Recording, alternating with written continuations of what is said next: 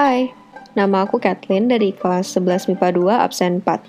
And welcome to my podcast, I guess. Dan di episode kali ini aku akan ngebahas salah satu topik yang tentunya sudah tidak asing lagi bagi kita semua.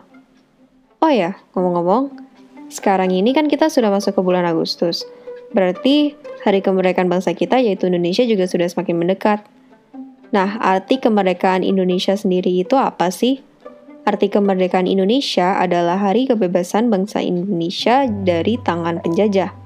Lebih tepatnya Jepang, yaitu negara yang sedang menjajah kita pada saat itu. Hari kemerdekaan bertahun-tahun dirayakan dengan sangat meriah.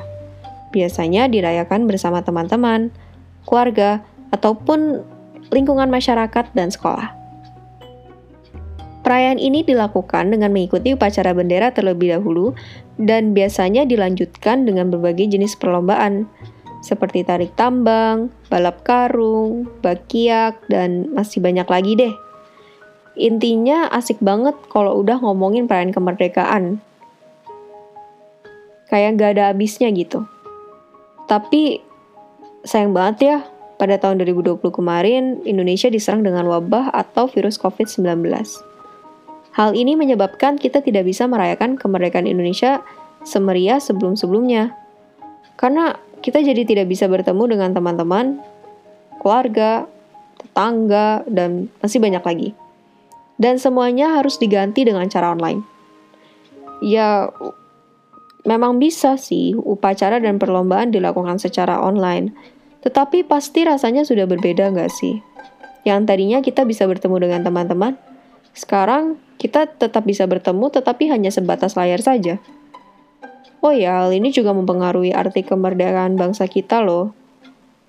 Menurut aku, kemerdekaan yang sebelumnya merupakan kebebasan bangsa kita dari tangan penjajah, sekarang sudah lebih berkembang lagi, yaitu kebebasan bangsa kita dari virus.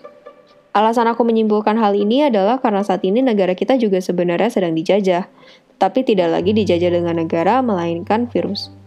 Karena penjajah sendiri adalah pihak yang menguasai pihak lain. Dan virus ini membuat kita merasa seperti sedang dipenjara. Tidak bisa bertemu dengan orang lain, harus di rumah, harus selalu menggunakan masker lah, inilah, dan hanya bisa keluar rumah apabila ada kepentingan. Sehingga virus ini sama saja seperti penjajah. Tidak hanya mengambil kebebasan kita, tetapi juga mengambil nyawa dari orang-orang yang kita sayangi. Banyak sekali loh korban dari virus ini, terutama korban masyarakat Indonesia. Sehingga tidak ada bedanya kan virus yang saat ini menyerang Indonesia dengan penjajah yang dulu menjajah Indonesia. Nah, tentunya suatu saat nanti virus ini akan bisa teratasi. Berarti ketika itu terjadi, kita semua sudah bebas dari virus ini. Inilah yang aku maksud dari kemerdekaan Indonesia untuk saat ini yaitu kebebasan dari virus COVID-19 atau kembalinya kebebasan masyarakat Indonesia yang tadinya sudah diambil oleh virus. Untuk episode kali ini sampai di sini dulu ya. Sampai jumpa nanti. Bye.